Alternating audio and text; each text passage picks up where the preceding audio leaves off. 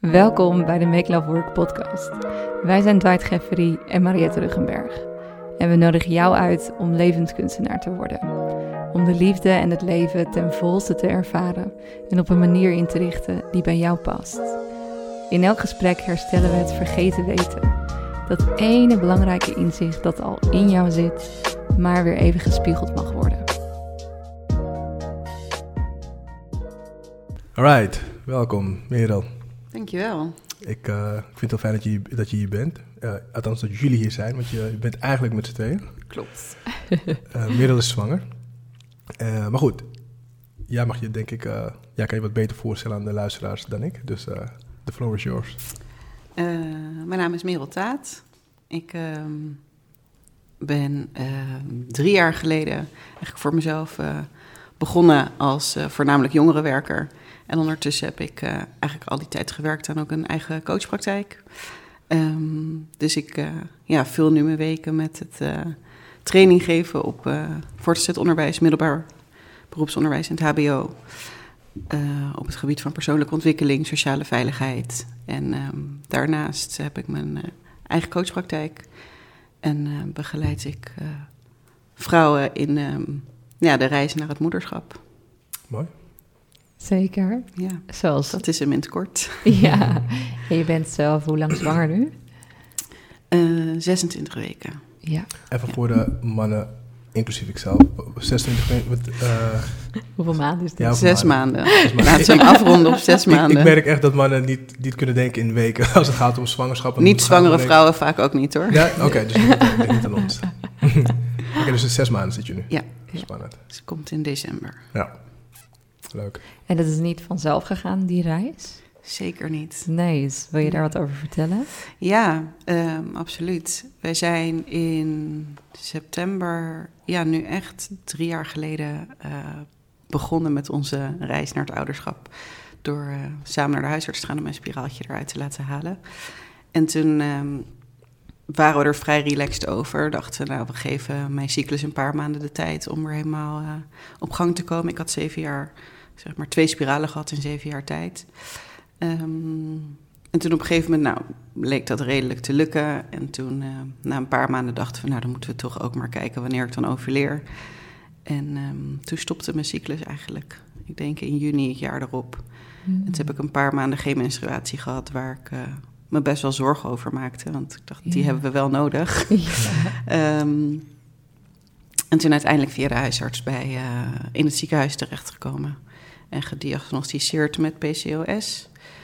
Um, betekent in het kort dat er dan eigenlijk meerdere follicels in je eierstokken te zien zijn. Dus veel meer eiblaasjes dan normaal. Mm-hmm. Uh, wat ze dan kiestes noemen, maar het zijn eigenlijk meer vochtblaasjes. En um, waardoor je dus niet iedere nou ja, 14 dagen na je menstruatie een ijsprong hebt. Mm. Dus dat maakt het heel lastig. Om zwanger te worden. Prikken, zeg maar, om ja. dan zwanger te worden. Ja. Um, dus dat was best wel een schok aan de ene kant. Aan de andere kant ook wel fijn, omdat ik ook andere klachten had die daarmee wel een soort van thuisgebracht konden worden, eindelijk. Een soort van struggle met overgewicht. En, dus ik wist wel, oké, okay, het ligt daaraan. Mm. Maar ik had ook meteen best wel wat weerstand tegen de vrij eenzijdige, het vrij eenzijdige verhaal vanuit het ziekenhuis. Van, nou, je hebt PCOS, dat betekent dat zwanger worden niet vanzelf gaat, dus je moet een hormoonkuur. En je zal waarschijnlijk ook in de toekomst wel last krijgen van diabetes type 2. Um, dus je moet voortaan iedere zoveel jaar langskomen om bloed te prikken. Punt. Okay. Dat was eigenlijk het verhaal, ja. Dus ik heb best wel specifiek gevraagd, kan ik zelf nog iets doen in mijn levensstijl en mijn voeding? Nee, dat kon niet. Mm. Um, dus daar ben ik wel wat eigenwijs in geweest. Dus ik heb uh, best wel wat hulp toen ingeschakeld uh, van een Ayurvedisch expert. Uh, die me gewoon heeft geholpen met uh, sowieso de balans, dus, of de relatie tussen je hormoonbalans en je spijsvertering. Mm. Dat er daar een heleboel in te winnen was. Ik heb acupunctuur gehad en een hele mooie uh, Right of the Womb, een soort baarmoederritueel, baarmoederheling. Omdat ik best wel voelde, er zit ook gewoon iets geblokkeerd. Ik geloofde in het verhaal vanuit het ziekenhuis wel, maar ik dacht ook, niet menstrueren is niet stromen, er stroomt iets niet. Ja. Dus toen kwam ik bij een soort womp-shamaan zeg maar, terecht, per, toef, per toeval tussen aanhalingstekens. Ja. Die me toen op mijn verjaardag uh, Right of the Womb heeft gegeven. Waarna ik dus de dag daarna inderdaad een menstruatie had, na vier maanden. Wow. Echt de dag Ja. na... De volgende ochtend. Sterker nog, ze zei het. Ze heeft haar hand op mijn onderrug gelegd Ja. aan het eind van die avond. Waar ik ook heel veel kramp voelde. En ehm, toen zei ze morgenochtend eh, word je ongesteld. Ah, ik wel. En dat was ook zo. Dus toen ik de volgende ochtend wakker werd, dacht ik... oké, wat er ook gebeurt vanuit het ziekenhuis... ehm, die weg die ernaast loopt, die is minstens zo belangrijk. Ehm En hoe heet deze dame? eh, je dat- Keren heet ze. Karen. Eh, Sogan, Ja. Kogan. Ehm Shama Womp ook wel. en eh, nu wil ook nog eens het prachtige toeval dat ze vorig jaar ook doula-training heeft gehad. Dus zij is ook degene die eh, ons nu gaat begeleiden bij, eh, bij, voor, rondom de geboorte. Ja. Ja. ja, het voelde heel erg kloppend dat zij daar gewoon bij is. Ehm, nu is het ook zo dat we helaas een tweede uitdaging hadden vanuit de kant van mijn vriend. Dus ik had eigenlijk dus met alle hulp die ik buiten het ziekenhuis om had gezocht... dat ik na twee, drie maanden mijn cyclus eigenlijk terug. Ja. Ehm, maar we waren inmiddels al op de wachtlijst en toch in het traject. Dus hij kreeg ook een aantal random tests van, om dingen uit te sluiten. En hij heeft al een zoon van 14. Dus eh, hij was een beetje de blinde vlek eigenlijk in het verhaal. Ja. En toen bleek dat er bij hem ook eh, nou ja, toch wel hele lage kwaliteit was van eh, vruchtbare zaadjes. Dus toen zijn we uiteindelijk toch in een IVF of in een ICSI-traject terechtgekomen. Wat houdt het in? Ik zie traject. Ja, wat is het verschil met IVF? Volgens mij Ehm, zijn het bepaalde staten, sta, Ja. fases. Ja, je hebt sowieso trouwens eerst IUI om er nog een, eh, Ja. nog een eh, afkorting in te gooien. En dat is eigenlijk de meest natuurlijke weg met wat hulp uit het ziekenhuis. Is dat je medicatie krijgt om je ijsprong te timen. En dan met je potje naar het ziekenhuis gaat. Eh, en dan injecteren ze dus eigenlijk ehm, de opgewerkte, de beste versie van de zaadjes die er zijn. op het moment van je ijsprong. In je baarmoeder. In je baarmoeder. Precies, ja. Ja. Dat is wel een Ehm, belangrijk verschil. Dat hebben we twee of drie keer gedaan. En toen bleek eigenlijk van ja, er zijn gewoon eigenlijk te weinig zaadjes om dat echt te laten slagen. Dus jullie worden doorgeschoven naar ofwel IVF ofwel ICSI. En IVF is eigenlijk de, de light de variant waarbij je een petrischaaltje hebt waar dan eitjes in worden gekwakt. En zaadjes in worden gekwakt en dat vindt elkaar dan als het goed is. Ja. En bij ICSI wordt er echt het beste zaadje uitgekozen en geïnjecteerd in de eicel. Ja. Dus die kan er dan bijna niet meer omheen, zeg maar. Ja. Ja. Dus dat is uiteindelijk eh, onze weg geworden. ja. En hoe was dat voor jou, dat het op die manier is gegaan? Ehm,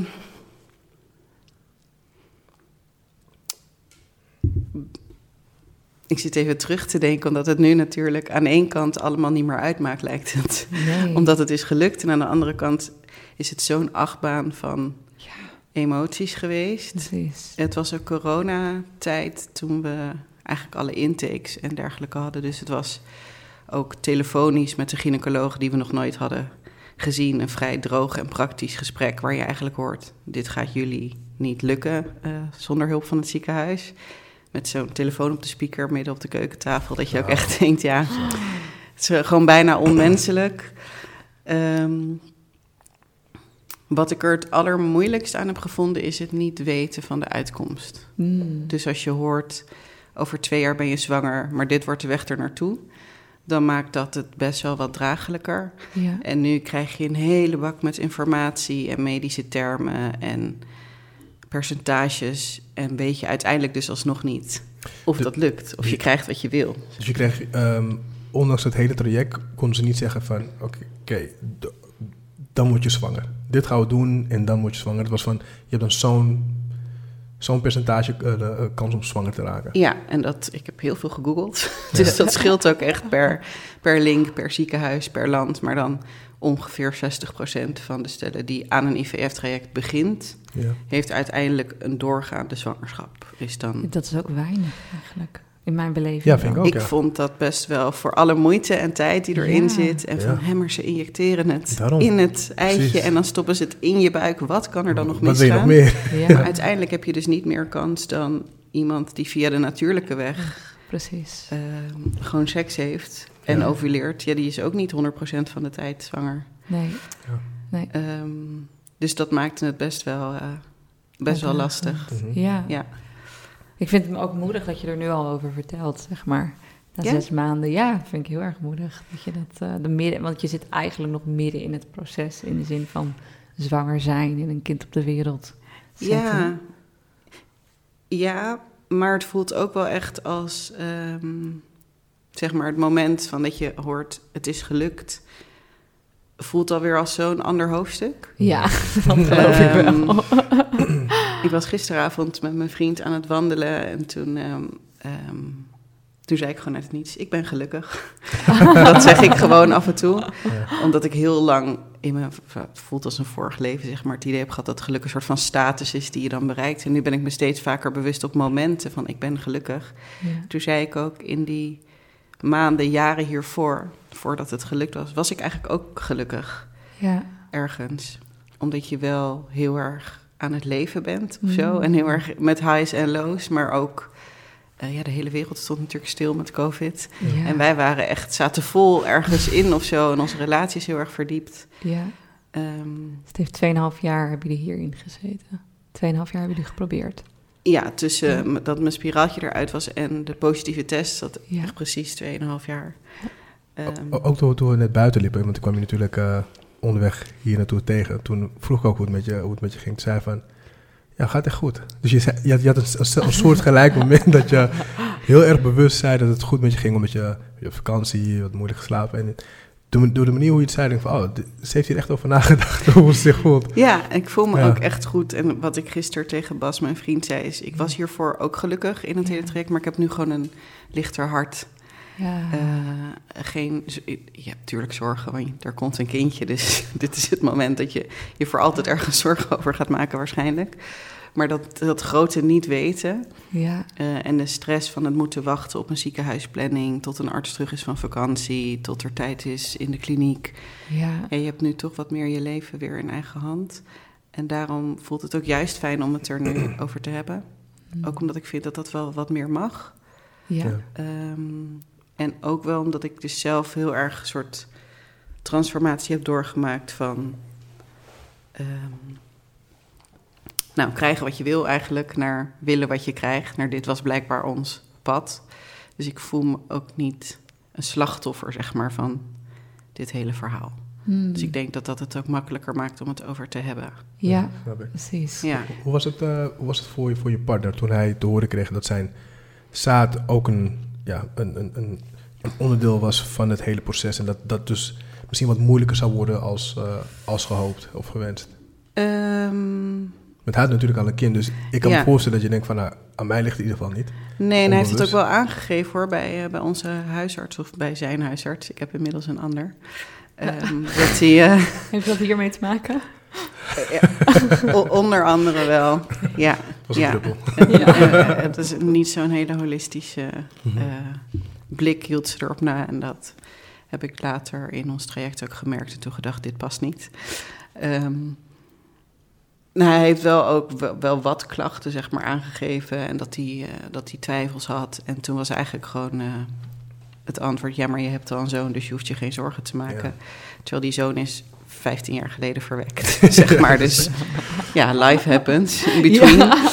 Ehm, dus het was voor hem, denk ik, niet echt een schok, maar ook wel, net als bij mij eigenlijk, een soort van bevestiging van: ik heb mijn lichaam dus goed aangevoeld. Er is iets niet helemaal in de haak, Hmm.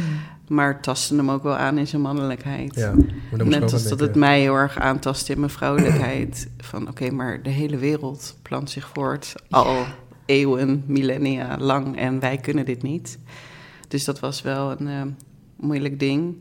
Ook omdat hij wist hoe graag ik het wilde. Dacht, Ja. oh, kan je dat niet geven? Ah, ja. Eh, ja, Dat begrijp ik zo goed. Maar daarom, moest, daarom stelde ik die vraag ook van hoe, eh, hoe, hij, hoe moet hij zich hebben gevoeld. Want ik denk dat ik dat namelijk ook zou, zou voelen.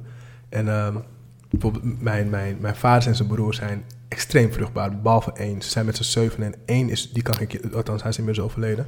Maar die kon geen kinderen krijgen. En ik heb, vanaf jongs af aan heb ik altijd gedacht van hoe moet hij zich voelen? Ja. Want al zijn broers hebben 15 kinderen, 8 kinderen. Ja, het is heel Ja. veel. En hij niet. Toen dacht ik, oh, hoe, moet- hoe, moet dat, hoe moet dat voelen? En, ehm, dus ik, ik kan me heel goed voorstellen dat, hij, dat het iets doet met je, althans je gedachten over je eigen mannelijkheid. Want dat maakt je natuurlijk absoluut niet, niet minder man. Maar, nee, eh, maar dat heeft hem wel ehm, ja. Ehm, ook aan het denken en aan het voelen gezet. Ja. Ja. Ehm, het heeft ook wel, ondanks dat het echt een extra hobbel was... eh, en ook wel een extra, nou ja, een rondje achtbaan noemden wij het. ja. Omdat hij kreeg uiteindelijk te horen dat er in een van zijn testikels dus een mini-tumor, wel een goedaardige tumor zat, maar dat dat dus, eh, ehm, nou ja, in ieder geval de oorzaak was die is gevonden. En dat, was, dat hoorden we in de week dat we überhaupt de intake hadden, ook al voor IVF. Dus dat was vrij, eh, vrij intens. Ja. Maar het werd daardoor wel ook meer ons traject. Snap ik heel eerst goed. was ik heel erg en toen, Ja. oké, ik moet mijn voeding aanpassen en ik moet dit en ik moet supplementen bestellen en ik moet eh nou- Ayurvedische thee. Ja. En hij had zoiets van, ja, en ik hang er een beetje bij. En ehm, hij heeft toen op een gegeven moment ook wel echt een soort switch daarin gemaakt van, we gaan dit samen doen. Ik ga ook stoppen met koffie en met suiker en meer mediteren. En, dus het werd wel echt meer een soort gezamenlijke kwestie of zo daardoor. Zo gek hoe, hoe, hoe zoiets je... Want je hebt in een... Je hebt dan echt een gezamenlijk doel. Dat hadden jullie natuurlijk Ja. al. Maar nu hebben jullie samen Ja, iets in te brengen om het doel te bereiken. Dus ik, ik kan me voorstellen dat het heel verbindend kan werken ja, eh, Ja. in jullie relatie. Ja, Ja. dat is het ook. Dat het voor andere relaties ook juist de uitdaging kan zijn, denk ik. Ja. Dat als het bij een van de twee ligt, dat, dat is grappig genoeg dat de meeste eenzaamheid wordt gevonden onder zwangere vrouwen. Dus Ja. dat het eh, rondom het zwangerschap, het zwanger willen worden en het zwanger zijn, dat, dat, en, ja, dat daar rondom heel veel eenzaamheid wordt Ja. ervaren, specifiek door vrouwen. Ja, Dus dat is dan wel bijzonder eigenlijk, een, een ongeluk dat wel tot geluk heeft geleid in die zin. ja precies. Dat het jullie heeft verbonden. En ik denk dat dat wel een uitdaging kan zijn ook voor andere mensen. Dat dat niet is. En hoe breng je dan wel die gezamenlijkheid in? Ja, hij noemde dat ook gisteren tijdens onze Ja. wandeling. Dat hij zei, ja, we hebben dit ook zo samen Ja, gedaan. En we samen hebben, overwonnen. Ehm, het heeft ons niet uit elkaar gedreven. Of, Nee. nee. Nee. Terwijl ik in het begin wel dacht, misschien is mijn kinderwens gewoon groter. Want ik ben nog geen moeder, hij is Mhm. natuurlijk vader. Hij Ja. is ook een aantal jaar ouder dan ik. Ehm, dus ik wist, als dit niet lukt, dan eh, vindt hij dat vooral voor mij waarschijnlijk verschrikkelijk. Maar hij komt er overheen, want hij heeft gewoon een gezond kind. Ja. En, ehm, en gaandeweg in het traject begon ik wel echt steeds meer gewoon ook die drive bij hem te merken. Ja. En, Want hij eh, wil het ook echt voor zichzelf. hij wilde het ook echt voor zichzelf, Ja. ja. ja. Maar dat, was, eh, dat is ook een proces geweest. Heeft het, eh, want wat ik merk eh, bij, bij stelletjes die, ehm, die, die bezig zijn om, om, om zwanger te worden, is dat om een of andere reden, ook als ze eh, bij de vrouw niks tussen haakjes afwijkend hebben kunnen vinden, dat toch altijd naar de vrouw wordt gekeken. En, en dat de vrouw wordt geadviseerd van, oh, misschien moet je dit proberen, of misschien moet je dat proberen. En, en mannen over het algemeen vrij weinig. En dat vind ik een heel vreemd iets. En dat merk ik, merk ik heel erg eh, in, mijn- in mijn true. omgeving, dat de vrouw altijd wordt aangekeken, ondanks dat er medisch niks afwijkend is. Heb jij dat gevoel ook gehad van, ah shit, het ligt aan mij? En, en scheelde het? Tuurlijk ben je niet blij dat er iets mis is met hem, of iets mis was met hem, maar dat, we, dat je alsof, oké, we zitten er wel nu nog meer samen in en word, ik, word niet alleen ik aangekeken. Heeft dat, heeft dat in je hoofd gespeeld? Ehm, ja, dat denk ik wel. En ik vond het ook logisch eigenlijk dat het oorspronkelijk naar mij werd gekeken, omdat ook ik dacht van, ja, maar hij heeft lef, zo heet dan zijn, eh, Mhm. zoon. Hij heeft al een kind, dus aan hem kan het niet liggen. Ehm, en er werd uiteindelijk pas een half jaar, denk ik, een klein half jaar nadat we in het ziekenhuis terecht waren gekomen, was pas zijn eerste test. Dat is bizar, toch? Dus dan ben je gewoon alweer zes maanden verder. Ja. Ja. ja. Ja, heel gek. Ja, dat vind ik heel gek. En ik, ik, ik, dat, dat eh, er ontstaat, wa- wa- waar jij het over had, over de, de eenzaamheid. Mhm. Die eenzaamheid zie ik dus ook bij die vrouwen die dan Ja. constant worden geadviseerd. Doe dit, doe, Doe, dat. dit, doe dat. Denk van ja, Ja. oké, waarschijnlijk heeft ze het al duizend keer gedaan. Ja. Je, het is goed bedoeld advies, maar Ja, je krijgt vrij interessante adviezen. Ja. Je moet er niet zo mee bezig zijn. Je Ja. moet gewoon lekker op vakantie gaan. Laat het los, dan komt het vanzelf. Ja, dat is een mooie. ja. ja. Dus je moet de, de, roze, de roze olifant in de woonkamer, moet je, daar moet je niet aan denken. Ja, Nee, precies. er niet. Ja. Hoe doe je dat? Eh, het toppunt was, anders nemen jullie toch een hond. Oh, sorry. Dat vind ik heel erg. Ik snap je reactie. Ja. Kijk, het is allemaal heel lief, maar het is zo pijnlijk. Als je er zo in zit, Ja, het is zo pijnlijk om aan te horen. Ik-. Ja. ja, en wat? Want ik weet dat er meer luisteraars zijn die zwanger willen worden en waarbij het ook niet vanzelf gaat. Ehm, ja, wat vond je het moeilijkste aan die tijd? Je hebt twee dingen genoemd, hè? De, de onzekerheid Mhm. en ook dat je dacht dat het had te maken met je eigen vrouwelijkheid. Ehm, en en hoe, ga, hoe ben je met de uitdagingen omgegaan? Dus wat was uitdagend en hoe ga je ermee om? Ehm, En dan daarna hebben we het over wat een man dan kan doen.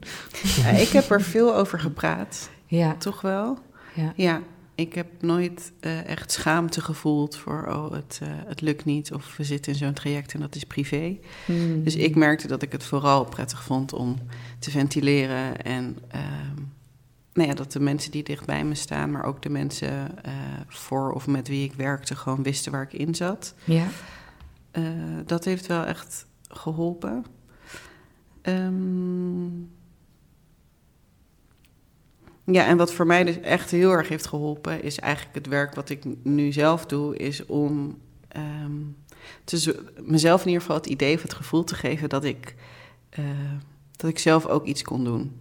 Dus dat ik niet Ja. aan het wachten was nou, ik heb nu een echo gehad, nu over drie weken worden we gebeld door een arts en dat je dan tussendoor niets kunt doen. Dus ik heb Ja. echt, ook wel door COVID denk ik, eh, omdat alles natuurlijk zo vertraagd was, heel erg de tijd ook kunnen nemen eh, van wat, ehm, ja, om te onderzoeken wat er misschien wel aan ten grondslag zou kunnen liggen aan het feit dat dit onze reis was. ja.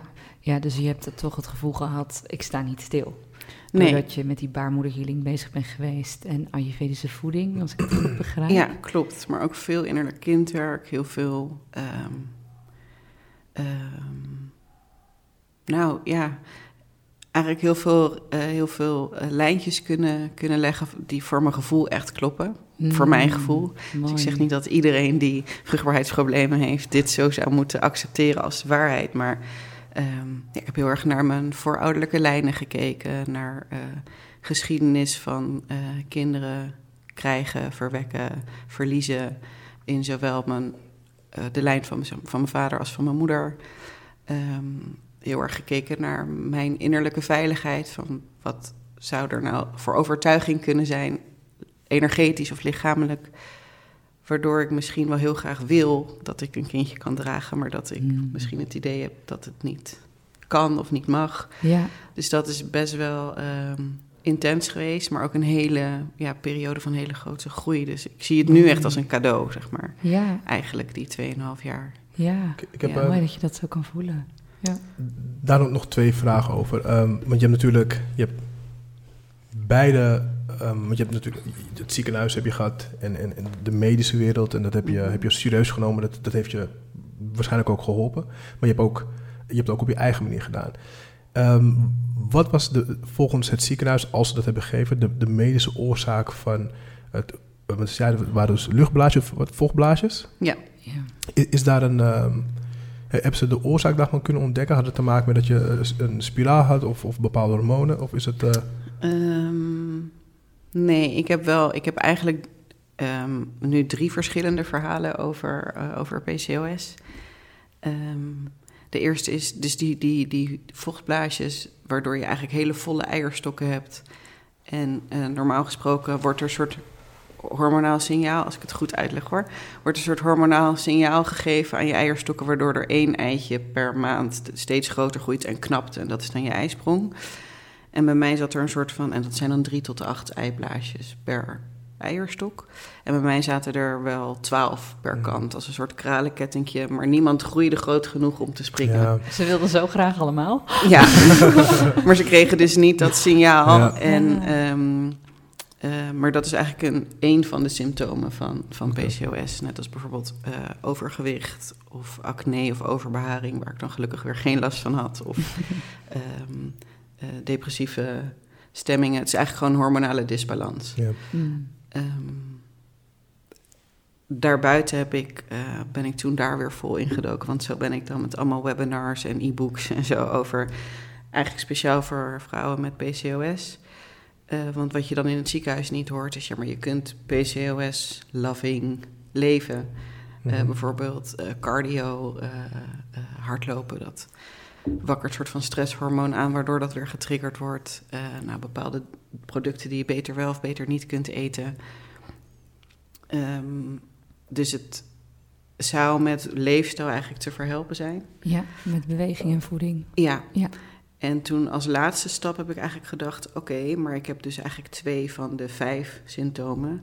heb ik dan wel PCOS? Heeft het zin om zo generiek op internet allemaal cursussen en dingen te volgen? Of is het gewoon handig om vooral te kijken waarom ik dat heb? Ja. En toen ben ik, waar ik over vertelde, naar orthomoleculair therapeut geweest en helemaal een bloedtest gedaan. Die zei, eh, je bent insulineresistent. Dus jouw lichaam reageert gewoon heel anders op suikers, waardoor ja, en insuline is eigenlijk ook een hormoon. Ja. Ehm, en dat veroorzaakt die kiestes in jouw eierstokken. Maar Oh, verder ja, is dus het hele PCOS-verhaal niet per se op jou te plakken. Ja, precies. Oh, Ja. En, en ehm, hoe de, de, de andere kant, om het even zo te zeggen, want je bent natuurlijk teruggegaan naar eh, je voorouders. Heb, heb, je, heb je daar wat gevonden wat, wat de oorzaak is, is geweest voor, voor hoe het bij jou is gegaan? Ehm, ja. Ik vind het zo lastig, omdat het natuurlijk voor mij voelt het heel erg als waarheid. Ehm, Ja, maar dan is het kan, waarheid, kan dit op geen enkele manier natuurlijk Nee. bewijzen. Ehm, maar ik heb best wel, ik heb veel verschillende dingen gedaan. Eigenlijk allemaal dingen die zo op mijn pad kwamen via opleidingen of, of, eh, of vriendinnen. En eigenlijk het eerste wat ik tegenkwam was Wombfulness heet zij, Marjolein. Die heeft met ons toen via Zoom een geleide meditatie gedaan om eigenlijk contact te maken met dus, eh, ja, het zieltje van dan het kindje, wat wel al bij ons was. Ehm, en toen hebben we om de beurt, Bas en ik, aan haar gevraagd: eh, wat heb je nodig om bij ons te komen? En toen zei ze: te- het antwoord dat hij kreeg was eigenlijk alleen maar geduld, het komt echt goed. Eh, vertrouwen. En ik hoorde heel duidelijk: ik heb meer licht nodig. Ja. En ik dacht toen: makes sense. Het was echt begin 2020. de wereld stond echt in de fik. vet donker, Ik dacht, ja. dit is echt niet een leuke plek om nu te incarneren. Ik Nee. snap wel dat ze niet komt. En ik was toen een aantal maanden later, deed ik een opleiding Aura Healing. En toen waren we zo aan het eh, nou ja, instromen, noem je dat dan? Dat je even zo al je chakras langs gaat en even, energetisch schoonmaakt. En toen kwam ik eigenlijk bij, eh, bij mijn baarmoedergebied. En toen ineens, toen schoot er zoveel omhoog dat ik ook ineens wist... Ze had het niet over de wereld, ze had het over mijn baarmoeder. Ah, Het is een donkere plek nu. Ja. En toen schoot er ineens omhoog van... oh ja, mijn moeder heeft ooit een miskraam gehad. Mijn oma heeft haar eerste kindje... vlak na de Tweede Wereldoorlog gekregen in Indonesië. Nadat ze uit het eh, kamp kwam. En hij is na zes weken overleden. Ehm, mijn vaders moeder is overleden tijdens zijn geboorte. Zo. En dat dit kwam allemaal echt in één keer zo omhoog. Het was heel overwhelming, maar ook dat ik dacht... wow, dit zit allemaal opgeslagen of Ja. zo in, Ja. in mijn baarmoeder. Ja. En toen heb ik dus weer contact opgenomen met, eh, met Karen. Van hé, hey, we hebben toen die Right of the Womb gedaan in, met die groep vrouwen. Ik denk dat ik wel wat materiaal heb om nog één op één eh, met je aan te werken. Ja, Ja, in in principe ook heel logisch, want eh, ik weet niet... Ik weet niet of dat met Anne was. Ja, eh, ik wilde ook al dat- haar beginnen. Eh, dat als op het moment, oké, laten we mijn zus als voorbeeld gebruiken, of jullie, want jullie zijn natuurlijk allebei ook vrouwen. Op het moment dat je in de baarmoeder van je moeder zit, nee, op het moment dat jouw moeder in de baarmoeder van je oma zit, zit jij al in de baarmoeder van je oma. Ja. ja. Dus die, die trauma's, die, ja, die, die zijn heel makkelijk door te geven, want je zit letterlijk in het lijf van je oma. ja. Dus wat er dan speelt in de baarmoeder van je oma, dat, dat kan je energetisch voelen en, en wellicht overnemen. ja. Dus super logisch eigenlijk als je erover nadenkt. Is het niet zo... Het kan voor sommige mensen misschien een hocus pocus klinken... als je er nog nooit over hebt gehoord of nooit mee Ja. bezig bent geweest. Maar heel klinisch gezien Het is gewoon zo. is het gewoon niet zo heel gek. Nee. Ja. Nee, ik schrijf hier ook daarom veel over. Ik probeer er ook veel over te praten om het ook een beetje te ontzweven of Mhm. zo. Ja. Ja. Eh, want dit, ja, dit is gewoon zo. Dus- Wetenschappelijk is het zo. Wetenschappelijk is het zo. Ja. Dus ik eh, merk ook dat ik nu veel met mijn moeder ook praat over haar jeugd, zeg maar. En over mijn oma, wat ze allemaal heeft meegemaakt. die- Mm. Wat allemaal niet heel makkelijk was. Ehm, ja, dus ik heb dat eigenlijk allemaal heel veel aandacht kunnen geven. Ja. Ehm, en los van dus die, die ouderlijke lijnen ook heel veel aandacht kunnen geven aan mijn eigen innerlijk kind. Mhm. Ehm, omdat het in mijn jeugd niet altijd even makkelijk is geweest en ik best wel wat veiligheid heb gemist. Dat ik daardoor ook dacht van, oh wacht, er zit ook gewoon een soort overtuiging van, word ik dan wel een goede moeder als ik zelf die veiligheid in mijn lijf, zeg maar, niet, Ja. eh, niet Voel. ervaar, ja, niet voel. Mm. Dus die twee dingen, daar heb ik eigenlijk veel eh, aandacht aan besteed de afgelopen maanden, jaren. Ja. En, eh, en mijn vriend eigenlijk op zijn beurt ook. Want hij had ook wel het gevoel van, ja, het zit ook niet voor niks in mijn Mhm. testikels, zeg maar, is toch ook mijn mannelijkheid. Ja, Zij had in zijn mannelijke lijn nog een hoop te helen. Ze hebben dat zo naast elkaar eigenlijk zo eh, gedaan. gedaan. Ja, Nou, heel mooi om te horen, want ieder verhaal is ook gewoon uniek als het gaat over kinderwens hebben en hoe je ermee omgaat. En wat ik heel mooi vind, vind aan jouw manier is wat je eerder zei van in plaats van krijgen wat je wil, willen wat je krijgt. Dat dat volgens mij die mindset switch jou heel erg heeft geholpen om je te openen en jezelf niet als slachtoffer te zien. ja, En eigenlijk nu zelfs dankbaarheid te voelen over al het werk wat je daardoor hebt gedaan en eh, ja, wat het heeft opgeleverd. Dus dat vind ik wel heel mooi. En ik heb zelf eh, toevallig afgelopen weekend twee podcastluisteraars ook gesproken. Eén doet de relatiecoachopleiding bij de Upstarter en de ander de holistisch coachopleiding. En dan hadden we het ook over dit thema, over moederschap en zwanger worden. En ik ben zelf, heb natuurlijk eh, zes jaar een kinderwens. En ehm, nou, in die zes jaar soort van al het innerlijke werk gedaan. wat je maar kunt voorstellen. Ehm, en we hadden toen met elkaar over van nou... ehm, ja, zijn die zes jaar dan voor mij een cadeau of niet? En in principe is het leven voor mij een cadeau. Mooi. Dus, eh, in zijn in geheel. Dus ik voel me ook zeker niet een, niet een slachtoffer.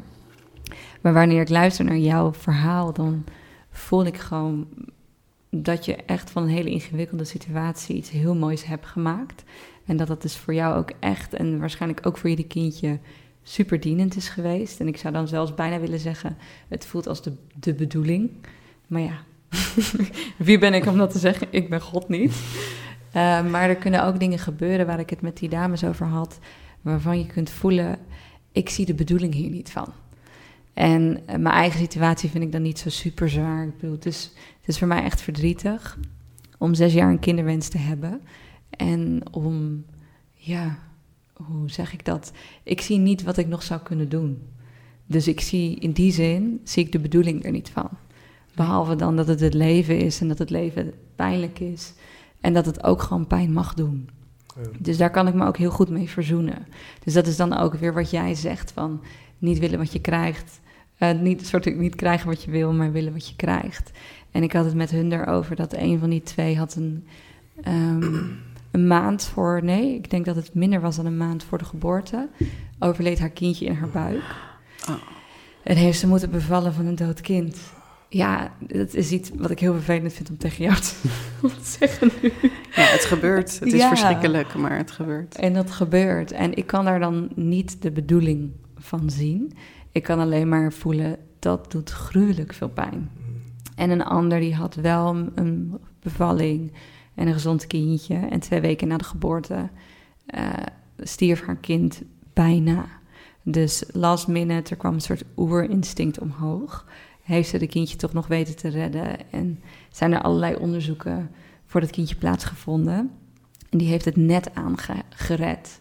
Maar ook dat is gewoon een, in mijn beleving een zeer traumatische... Intens traumatiserend, En ja. een hele pijnlijke periode waarvan ik dan ook niet echt zou durven zeggen... Jij zegt het niet, hè? Nee. Jij zegt het niet. Maar ik begrijp je heel goed, ja. Zo van, dit is de bedoeling. Dus ik vind het gewoon heel mooi dat jij je verhaal vertelt, want het voelt zo kloppend. Dus bij jou heb ik een heel ander gevoel dan bij de verhalen van, van deze vrouwen. Ja. En ik, ik voel bij jou heel erg dat je gewoon praat uit jezelf. En niet zo van, dit is mijn ervaring, dus dit geldt voor alle vrouwen. Ja. Mocht nee. je ontdekken dat je niet helemaal vruchtbaar bent, dan heb je nog wat voorouderwerk te doen. En nee, mag je nog eens kijken naar je voeding en je levensstijl. Of neem een hond. Ja, precies. Anders kun je altijd nog een pup kopen. Nee, dat, dat is ook helemaal mooi. waar wat je zegt. En ja, ik, ja, dat doet. Uh, ik struggle daar ook wel een beetje mee. Ik Ja. vind het dus heel makkelijk om, of nou ja, makkelijk, ja, prettig zelfs eigenlijk om mijn verhaal te vertellen. Uh, omdat ik hoop dat er gewoon toch vrouwen zijn die daar um, iets uithalen. Hmm. En tegelijkertijd ik vind ik het ook een hele kwetsbare doelgroep, omdat ik zelf weet hoe het voelt om daar te zijn. Ja, Vind ik het een hele kwetsbare doelgroep om aan te spreken. Um, en struggle ik ook inderdaad wel met dit soort verhalen. Ik heb ook een, uh, uh, een vriendin in mijn omgeving die echt al zes jaar gewoon bezig is met zanger worden en dat zo graag wil en miskraam na miskraam krijgt, Ja. denk ik, ja, kom ik aan met mijn voorouderlijke lijnen en, eh, en mijn womb healing. Dus het is, ja, ik kan eh, niemand een zwangerschap natuurlijk beloven. Mm. Ehm, maar ik vind het wel belangrijk om een heel klein stukje, ehm, ja, hoe zeg je dat? Ownership of zo mee te geven. Ja. In, ook in die hele donkere periodes. Ehm, zijn er in, in ieder geval manieren om te voelen dat je niet helemaal stuurloos aan de kant staat of zo. Nou, dat, dat geeft ook hoop. Dat geeft ook hoop. Mij heeft het echt ehm, geleerd, of in ieder geval het gevoel gegeven dat het goed ging komen.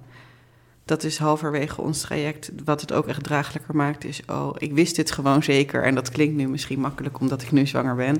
maar ik wist gewoon: oké, ze komt echt. Alleen op het juiste moment, we hebben echt nog een soort van huiswerk te doen. Alsof ze heel picky was met: ik heb jullie al lang gekozen kwam ik in allerlei opstellingen en dingen kwam ze steeds weer voorbij met ja, ik kom wel, maar je moet eerst je eigen innerlijke kind zorgen. Of nee, ja, ik kom wel, maar. ehm, Prachtig. en ik snap heel goed dat dat niet voor iedereen heel toegankelijk voelt om er zo in te staan. En voor sommige mensen eh, ja, gebeuren er gewoon te grote dingen om er, eh, denk ik, op deze manier nog een positieve draai aan te geven. Maar ik ben heel dankbaar dat dit me- inderdaad mijn verhaal is Nou, met zo'n eh, met zo'n mooie afloop. ja, en ik vind, ben ook dankbaar dat je het vertelt. Ja. Omdat ik echt zeker weet dat het hoop geeft. En ik denk dat, eh, dat gewoon je ook gebeurtenissen meemaakt in je leven die pijnlijk zijn en waar je niet positief naar hoeft te kijken. Ik denk dat het dan voor vrouwen vooral fijn is om ontvangen te worden in Mhm. de zin van ik kan hier even niks positiefs aan zien. Nee, en dat mag ook zeker. En dat mag er dan zijn. En ik denk dat het dat al verzachting brengt. Ja. Dus het is ook altijd wel moedig, vind ik, om in dit veld te werken. Want volgens mij is het het meest emotioneel beladen veld eh, waar je maar werkzaam in kan zijn. Ja. Heb, Ja. je, heb je in het, in het hele traject ehm, een moment gehad, of misschien wel meerdere momenten gehad, misschien jij, misschien je partner, misschien jullie beiden wel, dat je dacht, ik, ik, ik, heb, ik wil er niet meer, ik, ik heb geen zin meer in, eh, misschien door de hormoonbehandeling of wat dan ook, dat je een moment van hoop hebt verloren?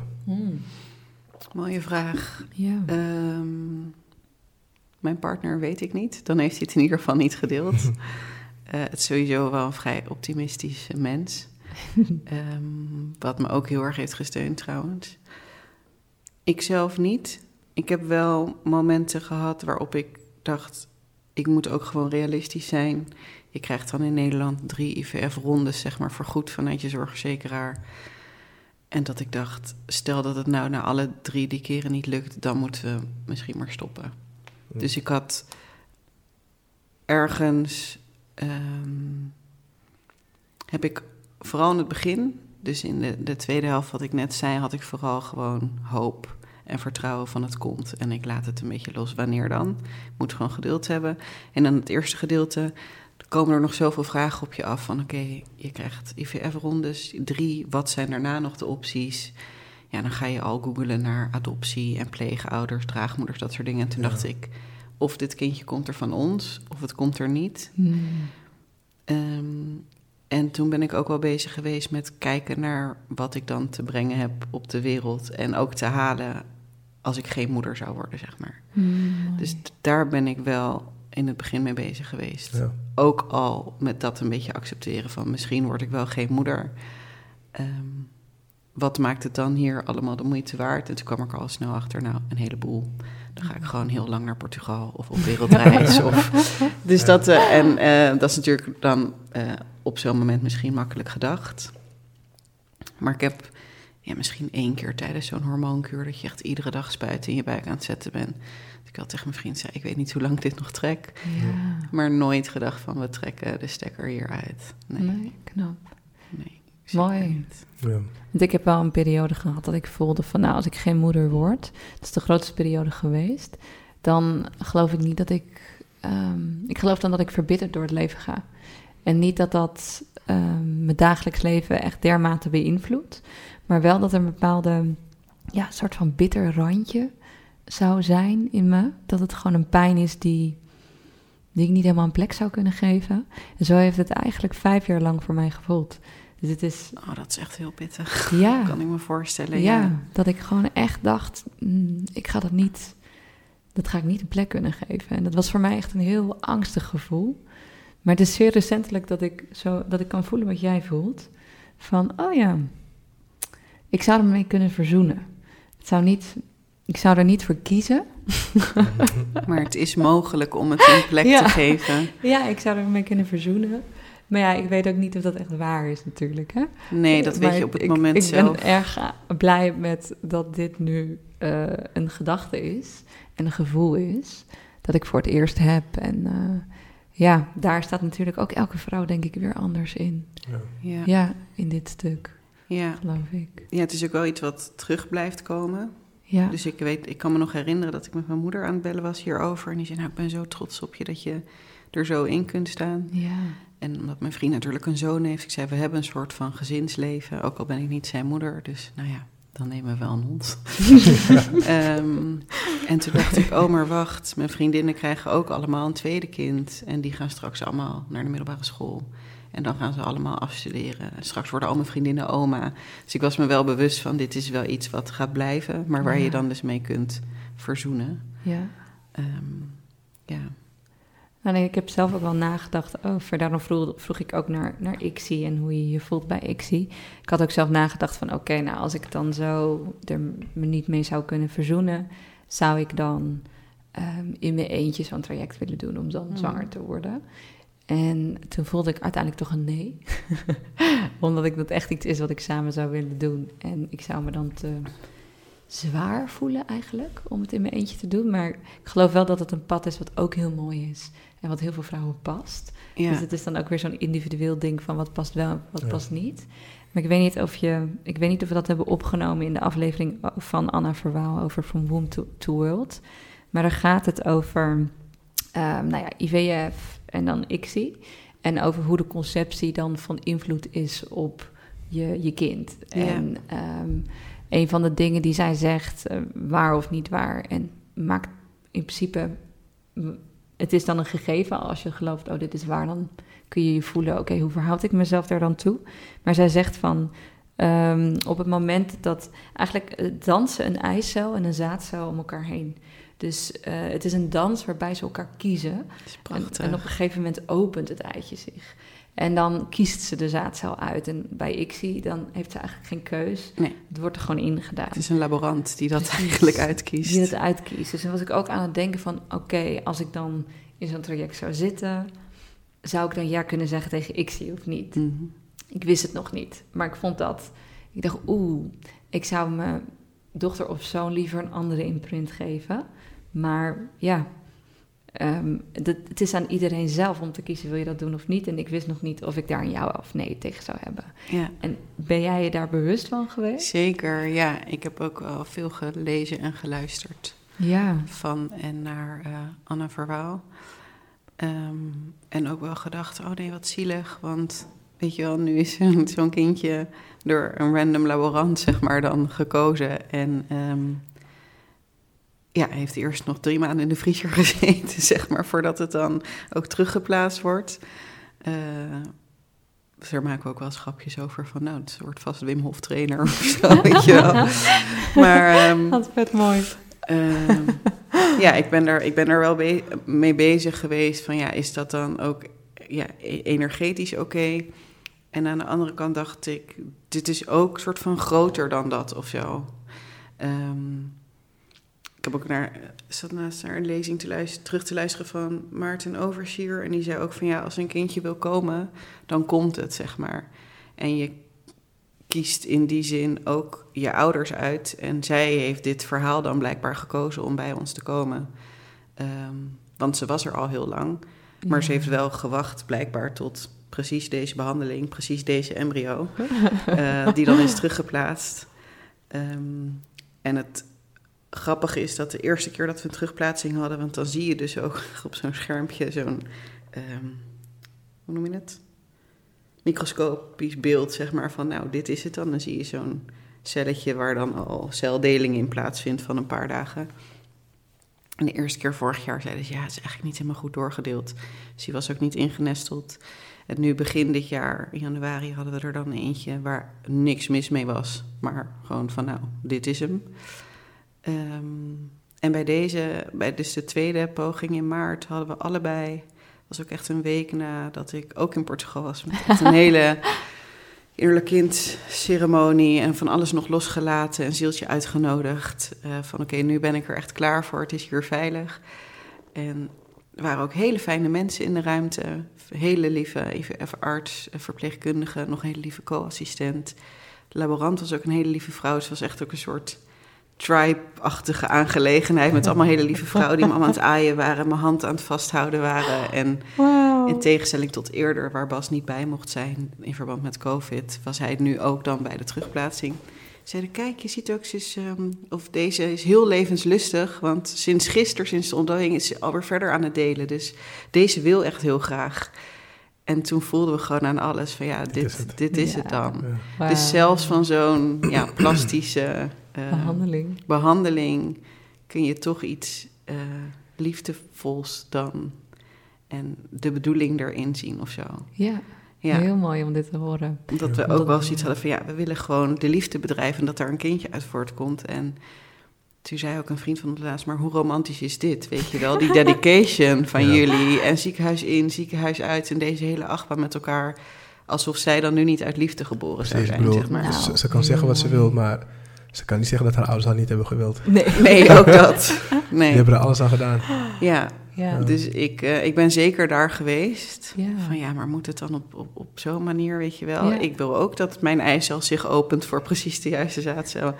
En aan de andere kant, ja, dit is ons uh, verhaal. Um, dus ja, dan kiezen tussen wel of niet ik zie, er was, niet, uh, was geen sprake van. Het was gewoon, dit moeten we doen. Ja. Ja. dat voel je dan denk ik ook gewoon op het moment zelf. Ja. Ja, want zelf ben ik ervan overtuigd, geen enkele um, ouder kan het perfect doen. Dus vanaf het moment van de conceptie tot het kindje in de buik dragen, tot de bevalling, tot de opvoeding. Ik denk dat we allemaal een soort van perfectie nastreven, want we willen het allerbeste voor ons kind.